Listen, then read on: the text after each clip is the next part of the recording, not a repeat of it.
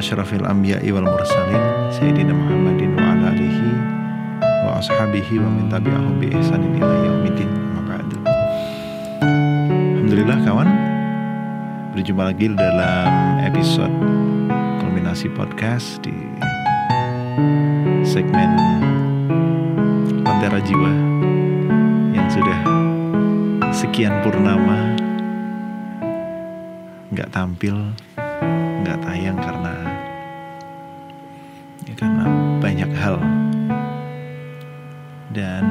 salat serta salam semoga senantiasa tercurah kepada junjungan kita Nabi besar Muhammad Sallallahu Alaihi Wasallam, keluarganya, para sahabat dan umat yang setia hingga akhir zaman. Seperti biasa di Lentera Jiwa, saya nggak sendiri sudah ada yang menemani. Siapa yang menemani atau apa yang menemani? Nah, yang jelas bukan kenangan, tapi seseorang. Langsung aja disapa. Sapa. Iya, sapa. Sapanya gimana? Sapaan terbaik itu mestinya kita nyapanya pakai apa sih? Pakai salam. Pakai salam. Salamnya kayak gimana ya? Karos kenapa Karos? ya, ya ngetes aja. Oh, apa karena Karos ini beberapa hari ini suka nontonin TikTok gitu? Ya sebenarnya Salam Pancasila. ya khawatir sih kalau misalnya saya salamnya salah gitu ntar saya disiram. gitu. Kalau disiram di dunia mungkin ya nggak kenapa-kenapa ya, tapi kalau disiram sama air panas di neraka, wah jangan deh. Salam terbaiknya aja. Ya, salam terbaik yang mendatangkan keberkahan Amin. bagi kita semua, Iya. keselamatan bagi kita semua ya. Jadi assalamualaikum warahmatullahi wabarakatuh. Waalaikumsalam warahmatullahi wabarakatuh. iya, karena memang sudah sudah sejak dulu ya, Hmm. sudah sejak zaman Rasulullah Sallallahu Alaihi Wasallam kita sudah diajarkan untuk memberikan salam yang terbaik bahkan ucapan itu aja juga doa. Hmm. Jadi saya kadang heran juga tuh kemarin ada yang eh, cari sensasi, bikin sensasi. kalau di ruang publik salamnya diganti aja gitu. Iya. Salam Pancasila. Kita nggak mempermasalahkan Pancasilanya, kita nggak ngobrolin soal Pancasila sih hari ini, tapi atau di episode kali ini. Cuman kita eh, menyikapi tentang eh, bagaimana ketika beliau yang bersangkutan eh, seseorang bernama atau berinisial YD ini kemudian mengeluarkan pernyataan-pernyataan kontroversial. Yang pertama apa Kak Ros waktu itu? Yang pertama itu Musuh ya agama itu adalah musuh eh, musuh besar musuh Pancasila. besar bagi Pancasila. Oke, Terus yang kedua ayat eh, suci atau kitab suci berada di bawah kitab konstitusi. Ha, Kalau iya. di dalam dunia eh, pemerintahan dan politik atau Hmm. bernegara. Terus yang ketiga kemarin eh, sebenarnya ada empat. Yang ketiga itu em, salam itu. Kalau di ruang publik harus menggunakan kita pakai pakai kesepakatan bersama lah Iya, gitu. kesepakatan bersama katanya Nah, gitu. kesepakatan bersama siapa yang bersepakat dan eh, herannya saya tuh kalau katanya nggak mau Islam karena Islam itu ke Arab Araban ya udah jangan pakai kata salam karena salam itu sendiri kan akar bahasanya kan dari bahasa Arab Iya. ya mau pakai salam Pancasila salam Merdeka salam UUD 45 salam apalagi KUHP Iya. Dan sebenarnya memang kata dari bahasa Indonesia ya Mhm. itu paling banyak ya. Kalau seingat saya paling banyak itu kata serapan diambil dari bahasa Arab. Iya, iya, karena kita dulu memang pernah hidup di bawah eh, kekhilafan Utsmani ya. Iya, kurang lebih ya. Mm-mm.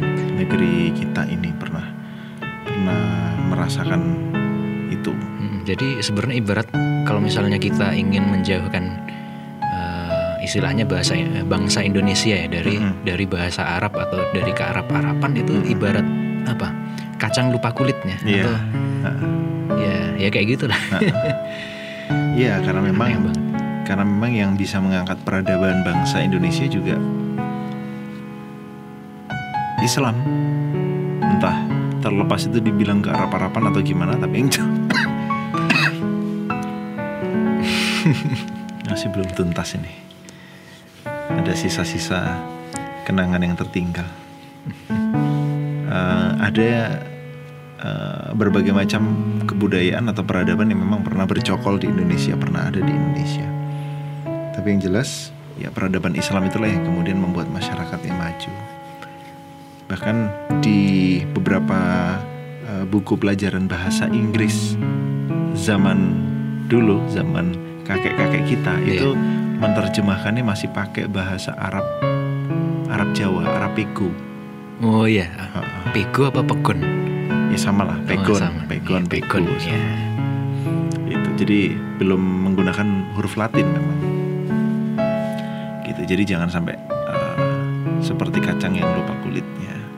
Apalagi sampai kemudian uh, pernyataan kontroversial yang keempat itu pada saat dia mengatakan uh, kalau dalam urusan politik pemerintahan nah, itu sumbernya ya dia mengatakan em, umat Islam harus memahami umat Islam harus memaklumi bahwa sumbernya bukan Al-Quran bukan hadis yang ada di dalam kitab Hmm. tapi konsensus atau kesepakatan Hmm. jadi apa sumbernya ya Pancasila itu gitu.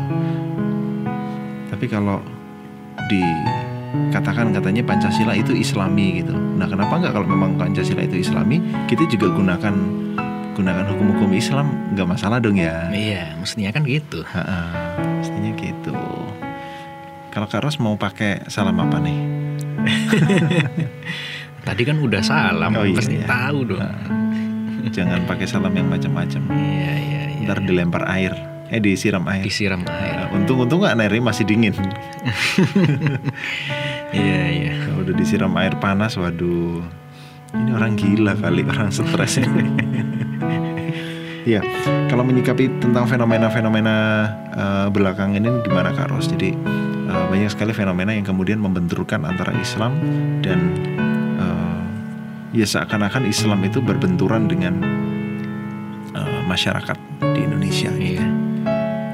Jadi kan kalau memang kita melihat fenomena kaum muslimin ya di Indonesia, kita akan melihat bahwasannya kaum muslimin di Indonesia ini mengalami peningkatan ya dari segi kesadaran dalam hal em, pengetahuan ya, Iya. takofah Islam ya. Kaum muslimin mulai sadar pentingnya mengkaji Islam begitu ya Mm-mm. kalau kita lihat yang namanya masjid-masjid itu rame Mm-mm. Bahkan kajian itu tidak hanya di masjid. Kajian itu dibawa ke tempat yang istilahnya itu dekat dengan orang-orang berkumpul ya. Mm. misalnya di kafe itu juga ada kajian ya. Kemudian di taman-taman juga kita kadang juga melihat ada orang menyelenggarakan kajian begitu ya. Nah, kemudian itu di satu sisi. Di sisi yang lain kita akan melihat em, orang-orang yang dulu awalnya melakukan ya, melakukan kezaliman ya, melakukan eh, sikap-sikap yang itu merugikan kaum muslimin. Mm-mm. Itu secara awal mestinya kaum muslimin ketika sadar mestinya merasa rugi gitu. ya. Tapi ternyata kaum muslimin kan belum belum sadar dulu ya. Yep. Belum sadar. Akhirnya ya mereka melakukan eh, kezaliman ya, Hmm. istilahnya merampas hak-hak kaum muslimin. Itu mereka bisa melakukannya dengan leluasa. Tapi karena kaum muslimin ini udah mulai sadar, udah mulai Hmm. sadar sebenarnya kemaslahatan apa sih yang mestinya kita peroleh dari Mm-mm. dari kehidupan ini ya keridhaan Allah ya. Ya. Dengan cara apa? Ya mengambil atau eh, lebih tepatnya itu ya mengambil hak-hak yang mestinya dulu yang sebelumnya kita nggak peroleh untuk kita dapatkan begitu. Iya. Ya. Ternyata ketika sudah mengetahui itu semua, sudah mulai mengkaji Islam, umat mulai cerdas. Ternyata umat mengetahui, oh ternyata selama ini orang-orang yang ada apa istilahnya di balik meja gitu ya, Hmm. yang sering kali tertidur gitu ya, Iya. atau bahkan orang-orang yang eh, menyelenggarakan eh, usaha-usaha ya, itu nilainya bisa sampai triliunan, puluhan, ratusan triliun. Oh, ini ternyata ternyata ini musuh musuh kita. Maksudnya dialah pelaku kezaliman yang sel- selama ini terjadi. Nah, ternyata umat udah mulai sadar nih. Oke. Tapi akhirnya orang-orang yang tadi, orang-orang zalim ini, orang-orang yang biasa melakukan itu, mereka melihat, wah ini kaum muslimin sudah mulai sadar dengan Islam. Mereka sudah mulai sadar dengan eh, kemaksiatan-kemaksiatan, kerusakan yang bisa biasa kita lakukan nih. Yep. Nah, ini kalau kalau nggak dibendung, kita biarkan terus, nanti lama-lama kepentingan kita terusik dong. Akhirnya, Iya. akhirnya eh, orang-orang ini dengan berbagai macam eh, komunitas mereka, Mm-mm. ya istilahnya apa ya, komunitas eh, lembaga dan juga lembaga mereka membentuk lembaga-lembaga think tank lah sebagai mantel membuat membangun opini yang berbagai macam eh, jenisnya dari waktu ke waktu berubah-ubah Mm-mm. narasinya digiring sedem- sedemikian rupa ya sehingga dengan tujuan eh, yang namanya orang-orang yang mengkaji Islam itu Yep. dianggap sebagai orang-orang yang asing begitu ya. Mm-mm. Jadi mengasingkan kaum muslimin yang mengkaji Islam dan mengasingkan ajaran-ajarannya. Nah, kalau awalnya itu apa ya? Yang diasingkan itu eh, kelompok yang memperjuangkan syariat Islam ya. Iya. Nah, wabil khusus memperjuangkan khilafah begitu. Ini ternyata lama kelamaan yang diberangus itu adalah ajaran-ajaran yang lebih lebih apa ya? Lebih khusus begitu ya. Iya. Nah, kalau baru-baru ini kita ketahui ada misalnya tadi ya eh, berkaitan dengan salam, Iya. kemudian berkaitan dengan eh, menstigmatisasi adanya adanya agama ini adalah sebagai musuh besar dari Pancasila begitu dan juga hal-hal yang lainnya. Kalau tadi yang eh, bagi saya paling parah itu kayak itu adalah sumber sumber hukum ya tadi. ya. Mm-mm. Sumber hukum itu bukan Al-Quran dan Sunnah. Ini Iya. ini keterlaluan sekali Iya. sih. Kok bisa ya?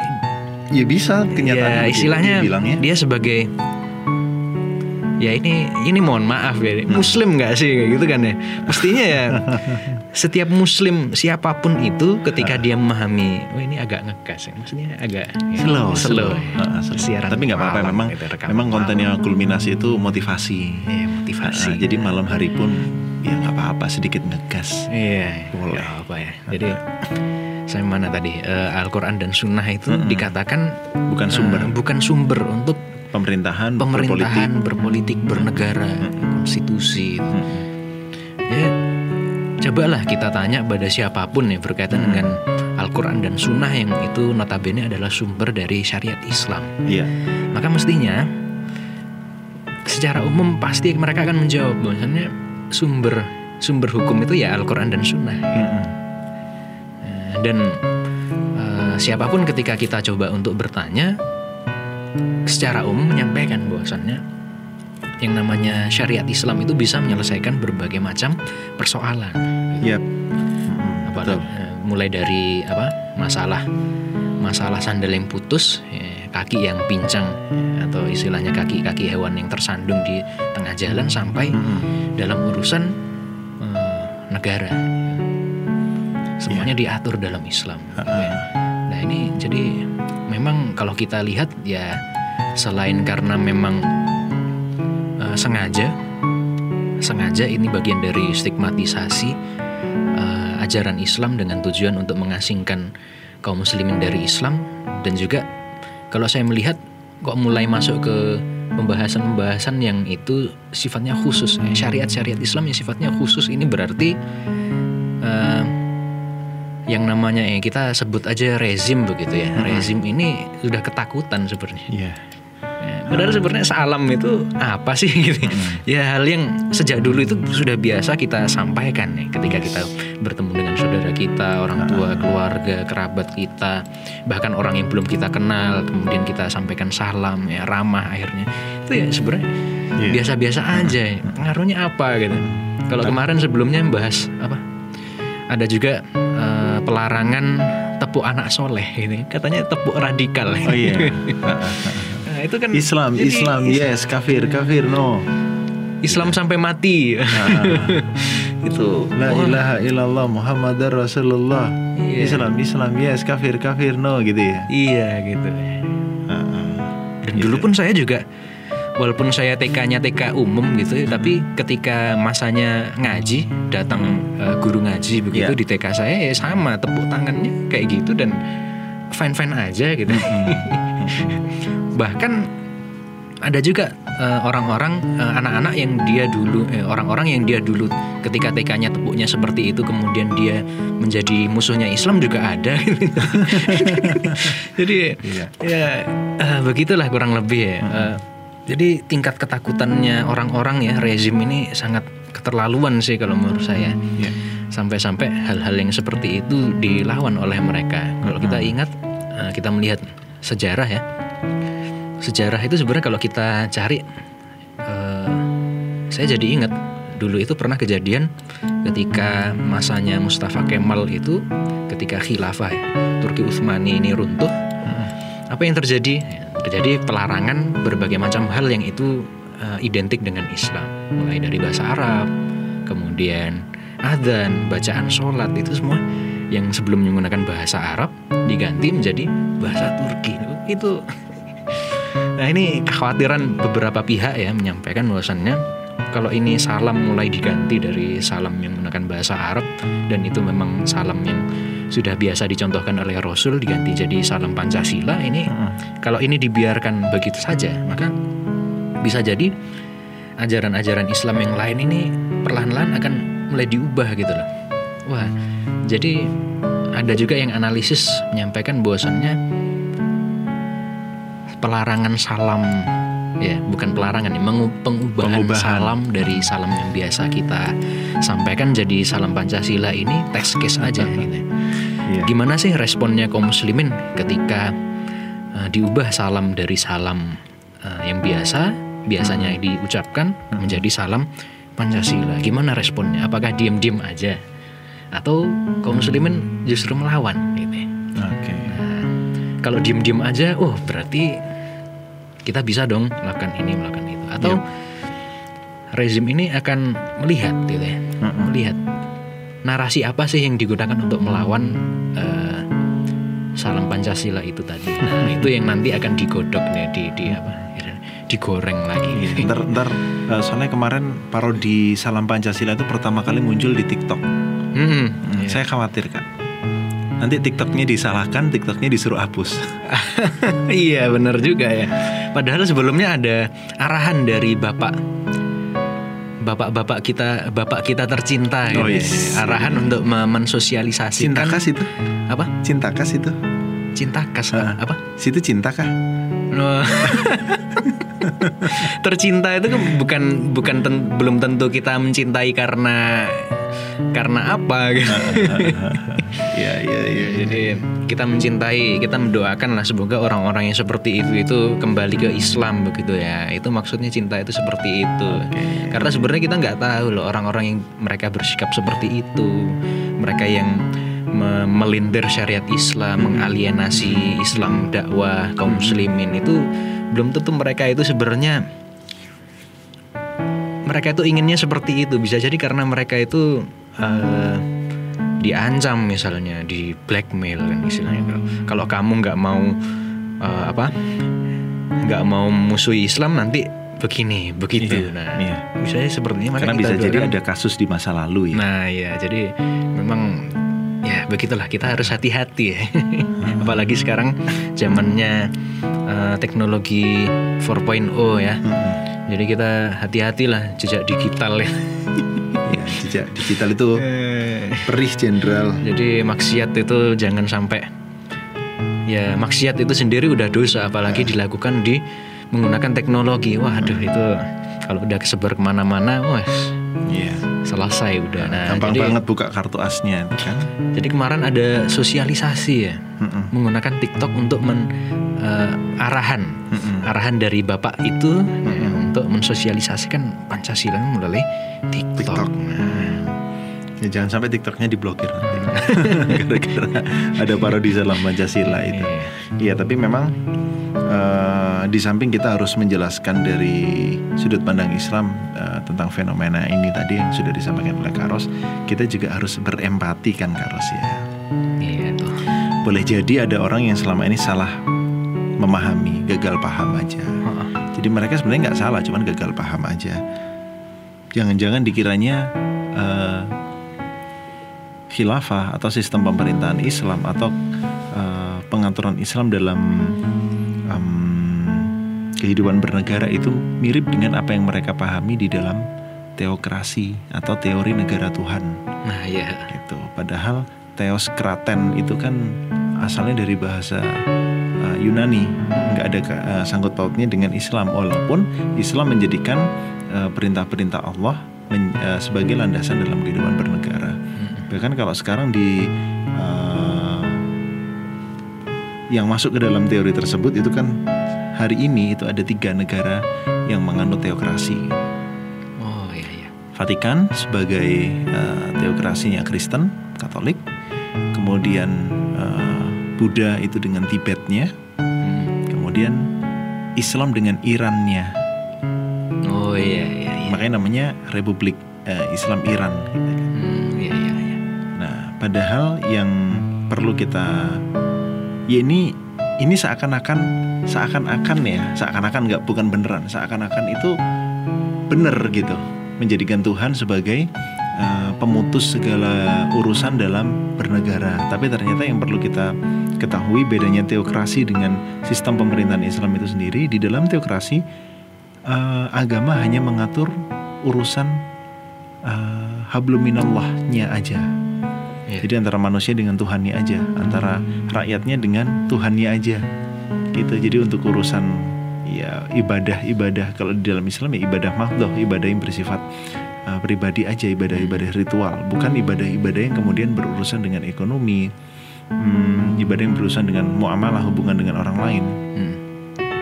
Jadi jangan disangka sistem pemerintahan Islam atau khilafah itu sama dengan teokrasi.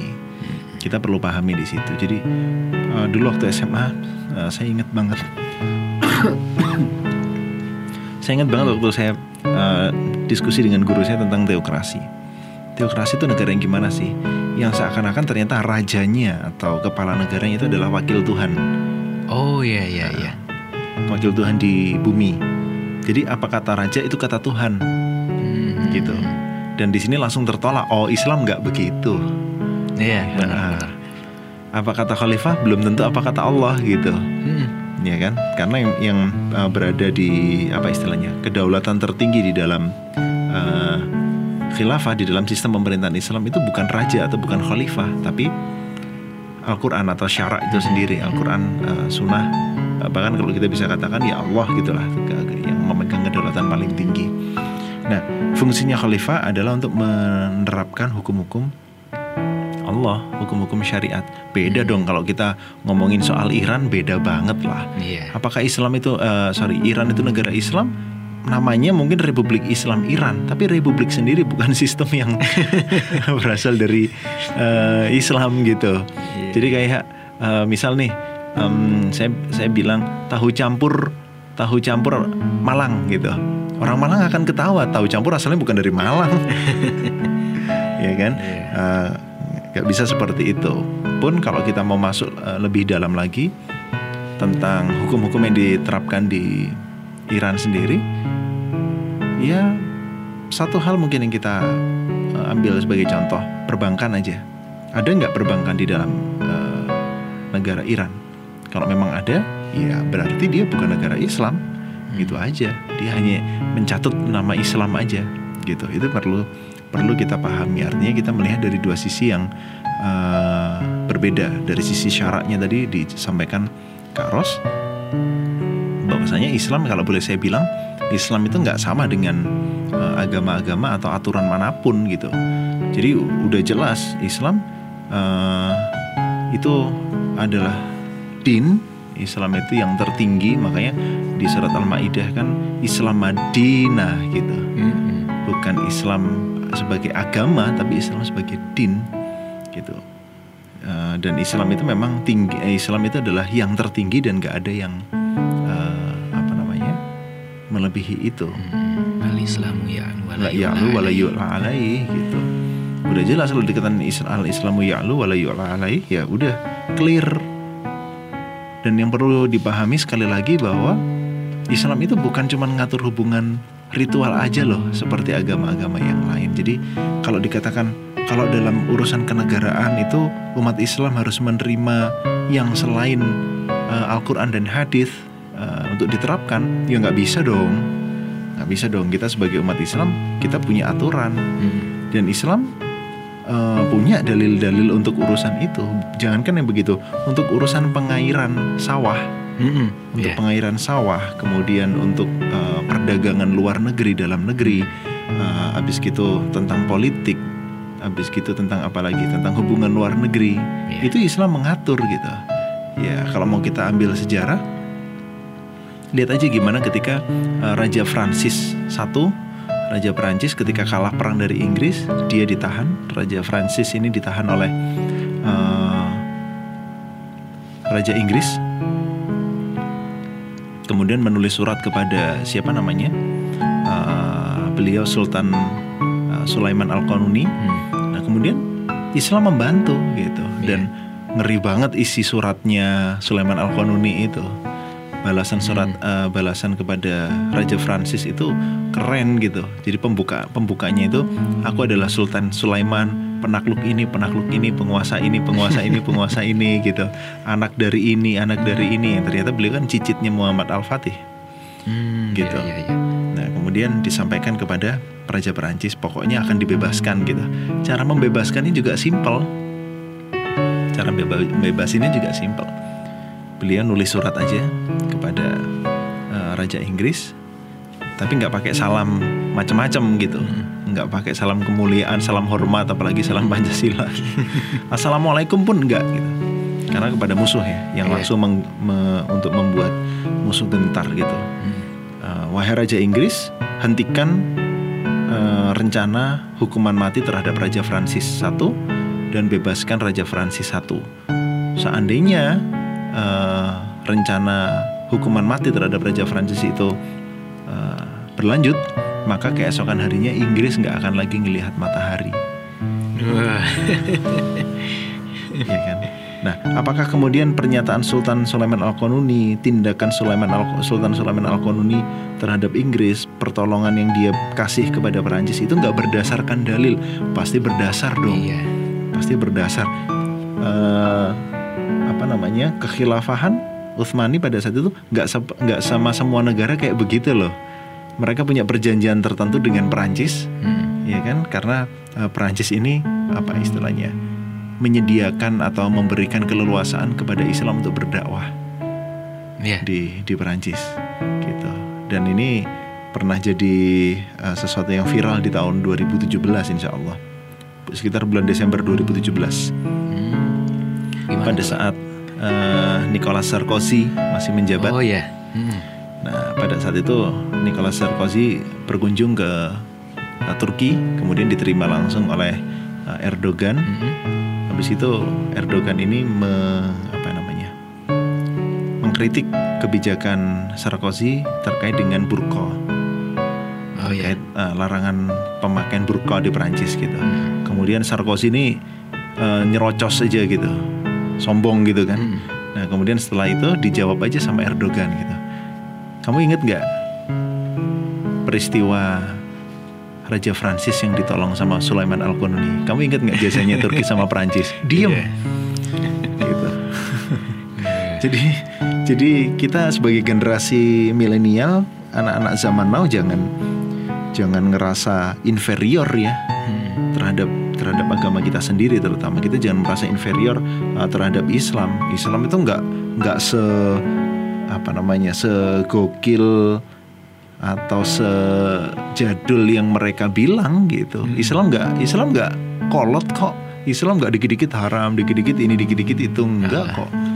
Islam itu enggak dikit-dikit musuh bunuh. Lah enggak enggak begitu juga kok ada aturannya. Karena memang Islam bukan sebuah agama. Ini sering kali kita kupas memang ya di uh, kulminasi baik di Instagram maupun di podcast. Islam itu bukan hanya sekedar agama seperti agama-agama yang lain tapi dia adalah din yang artinya mengatur seluruh uh, kebutuhan manusia mengatur seluruh uh, tindak tanduk manusia apa pun itu. Jadi ya sebelum ikut-ikutan yang nggak jelas belajar Islam dulu. Ya kak Ras ya? Belajar Islam dulu kemudian eh, kalau ada dalil yang mungkin menjadi apa istilahnya berbeda gitu dengan apa yang dikaji oleh teman kita ya udah nggak usah nggak usah terlalu diperdebatkan Mm. kita tuh terlalu capek berdebat soal zikir harus keras atau pelan sholat subuh pakai kunut atau enggak Iya. jenggot eh, harus panjang banget atau enggak gitu Iya. celana boleh isbal atau enggak.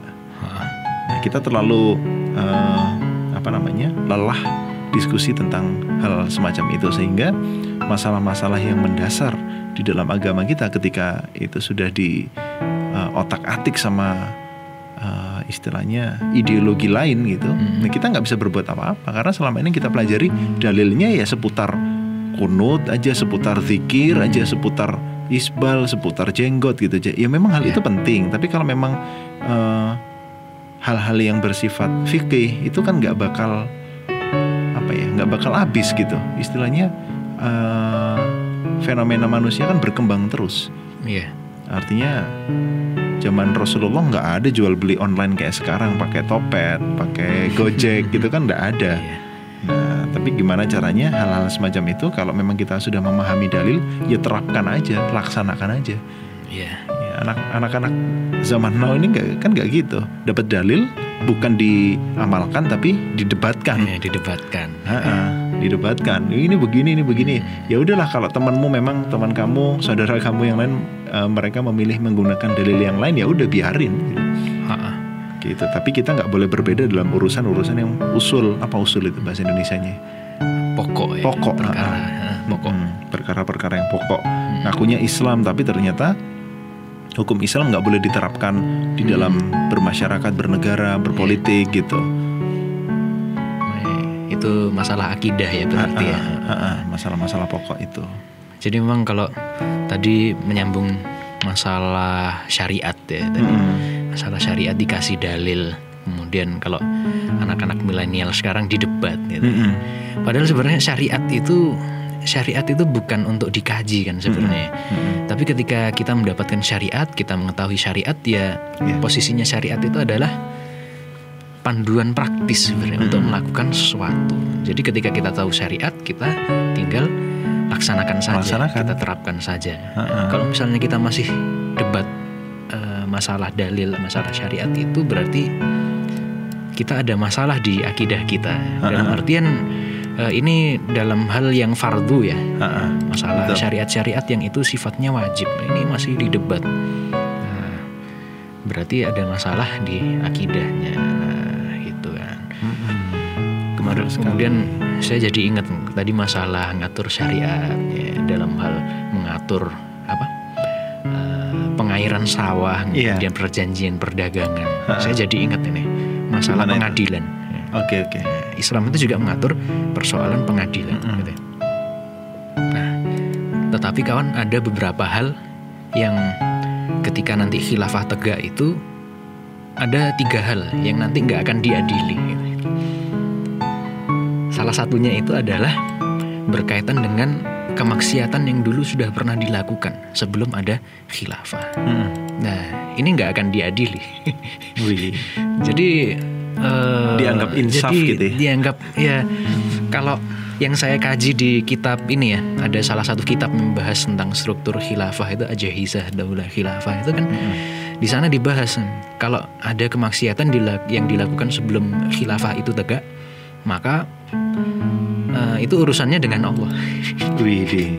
Jadi saya membaca kalimat itu, wah. itu lebih ngeri itu. Jadi ya Allah Gak bisa diselesaikan di dunia soalnya. nggak bisa diselesaikan di dunia. Ha-ha. Jadi eh, anggap aja ya, kalau masalah sholat kita meninggalkan sholat Mm-mm. itu gimana cara me- me- me- apa istilahnya? Gimana, gimana cara kita taubat me- menghapus dosa-dosa itu? maka ya kita tinggal taubat ya kita menyesali perbuatan tidak sholat tersebut kemudian kita berjanji tidak mengulanginya lagi nah, itu kan tinggal seperti itu Yes. Nah, kalau ini masalah apa masalah syariat ya syariat yang itu sifatnya tidak diatur secara spesifik itu nah itu gimana tuh. Padahal eh, hal-hal yang seperti itu kalau ada khilafah kan enak tinggal eh, kalau misalnya hukumnya itu udah diatur berdasarkan syariat maka tinggal dilaksanakan saja. Ya. Tapi kalau tidak ada berarti kan memerlukan yang namanya keputusan dari khalifah begitu ya katakan seperti itu ya. Hmm. Khalifah ingin menghukum orang-orang yang seperti itu ya istilahnya hukuman takzir ya gitu ya Mm-mm. dengan hukuman yang seperti apa. Nah kalau nggak ada, ini nasib orang-orang yang seperti ini yang udah- sudah lama, tidak hanya beberapa bulan saja, bertahun-tahun menghina, mencela syariat Islam. Ini nasibnya ini seperti apa? Ya urusannya dengan Ya, Allah. Urusannya dengan Allah. ya. Jadi ya ya kita doakan saja kita tetap terus eh, dakwahi istilahnya orang-orang yang masih bisa kita selamatkan ini selamatkan lah. Dan yang belum jangan seperti itu. Yang belum jangan seperti itu ya. Ah, mulai dari sekarang ngaji. Jadi mulai sekarang ngaji. Ah, ya hidup itu kita nggak usah deh bikin-bikin masalah ya. Kita itu udah banyak masalah gitu. Apalagi Kita- bikin masalah sama Allah. Nah iya tuh, wah. Ya, penyelesaiannya nggak cuman sehari dua hari sebulan bahkan beberapa tahun tapi selamanya. Iya.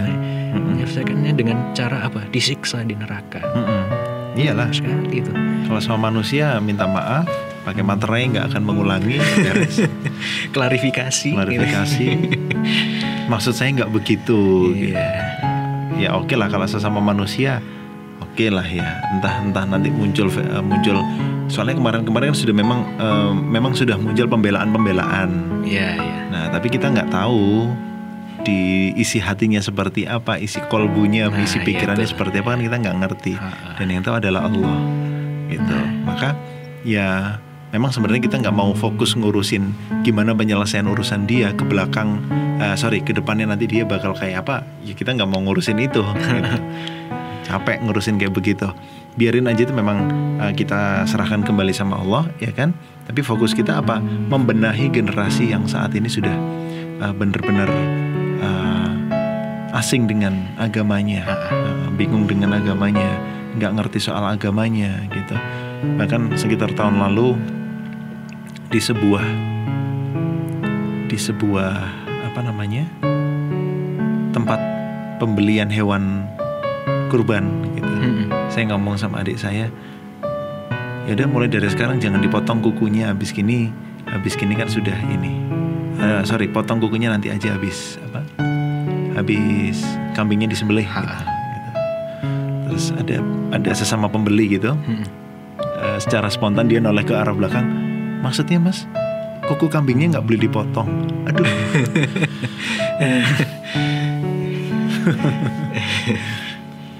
ya, memang di tempat karena memang di tempat umum ya udah saya ya saya jawabnya ini aja oh kuku kita bu gitu kukunya kita yang mau kurban jangan dipotong Iya. oh gitu ya iya jadi Iya, iya. Umur udah banyak eh, usia kita udah sema- eh, semakin hari semakin tua kita mau ngapain sih kalau nggak nggak memang hidup untuk Allah mempersembahkan hidup untuk Allah mengabdikan hidup buat Allah itu kita mau ngapain? Mm. dan bagaimana mungkin kita mau beramal kalau kita nggak tahu ilmunya? Maka mulai dari sekarang mulai mulai dari sekarang ya ayo kita kaji Islam. Islam itu kan ilmunya luas kak. Ya memang. Iya. berarti ngajinya harus banyak. Ya iya. Ya iya. kalau pengen dikit ya ikut anu aja ikut eh, trial kursus. Trial. Heeh, ikut trial cuman dua jam gitu. Gimana mau lanjut? Nah gitu kan. Tapi memang ya hal-hal yang semacam ini eh, menjadi penting kita bahas. Karena memang gampangnya aja sih kak Eh, kalau kak Ros tadi bilang sekarang banyak orang Islam udah sadar umat Muslim eh, menyadari tentang mereka uh, berhijrah, mereka ikut kajian-kajian gitu. Tapi mohon maaf nih, kalau misalkan jumlah-jumlah pengajian itu tadi kita kumpulin pesertanya, Iya. kemudian kita bandingin dengan uh, konser-konser musik, konser-konser uh, K-pop, Iya. uh, apalagi tuh wibu-wibu, Jepangan begitu, Iya. lebih banyak mana gitu kan? Nah, maka ya saat ini mungkin adalah zaman di mana ketika Rasulullah dulu mengatakan uh, apa itu gimana tuh? Uh, Islam datang dalam keadaan asing dan nanti akan kembali asing lagi. Beruntunglah orang-orang yang terasing. Maksudnya ya orang-orang yang terasing itu apa? Orang-orang yang melakukan perbaikan di tengah-tengah kerusakan. Mm-mm. Mungkin inilah zamannya gitu. Ya, soalnya nggak ada yang ngerti, nggak ada yang ngerti kapan zamannya. Rasulullah juga nggak ngomong kan. Iya. Tapi bisa jadi ini zamannya karena tanda-tandanya udah bisa kita baca. Jadi ya uh, buat rekan-rekan pesan ini nggak mungkin atau hal-hal yang semacam ini nggak mungkin bisa kita uh, handle sendirian ya. Capek gempor nanti Kak Ros podcastan terus. Iya. Artinya uh, dakwah harus disampaikan oleh siapa pun walaupun itu satu ayat. Uh, istilahnya memang kalau kita dibandingin sama ustadz-ustadz yang gede itu ya memang nggak sebanding lah ya. Iya. Tapi at least kita ikut menyebarkan campaign-campaign semacam ini. Toh dulu em, hal-hal semacam pacaran yang udah dianggap umum akhirnya menjadi uh, satu hal yang perlu diwaspadai ya karena campaign-campaign semacam ini juga. Iya. Maka campaignkanlah Islam, jangan cuma dikaji. Ya kalau sekarang belum ngaji ngaji, kalau udah ngaji jangan diam, jangan pasif. Mm-mm. Karena kebanyakan orang eh, orang-orang yang terlibat dalam hijrah wave itu ketika mereka memilih untuk pasif, ya ya sudah, mereka hanya istilahnya apa ya, haus akan ilmu. Setelah itu eh, mereka memilih untuk ya udahlah, eh, saya ngaji aja, saya belajar aja, tapi nggak melakukan, nggak aktif melakukan perubahan. Itulah yang membuat kita jenuh dalam dalam mengkaji Islam. Iya sih. Kalau kita lihat ibarat tanaman ya, Mm-mm, akarnya kuat, mm-mm, batangnya kuat, mm-mm. daunnya lebat tapi tidak berbuah. Waduh, waduh.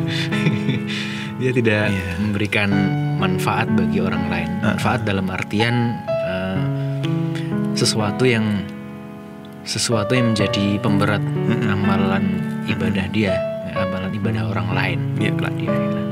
Mm-mm. Ya gitu sih. Jadi ngaji, istiqomah, dakwah. Ada Ngaji, istiqomah, dakwah. Oke. Istiqomah maksudnya mengamalkan. gitu. Iya. Jangan istiqomah memperdebatkan. Iya, hampir satu jam nih obrolan kita. Padahal tadi eh, rencananya kita ngobrol setengah jam aja yuk Ah, gitu. ngobrol setengah jam aja. Mm-mm. Sampai bosen ya ada teman kita nih di Ah, studio. Kita nggak Iya. cuma berdua aja nih. Iya kita nggak cuma berdua.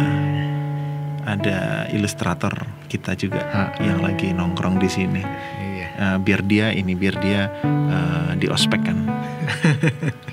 Biar kerjaannya nggak cuma ilustrasi doang. Iya. Gitu. di ospek aja.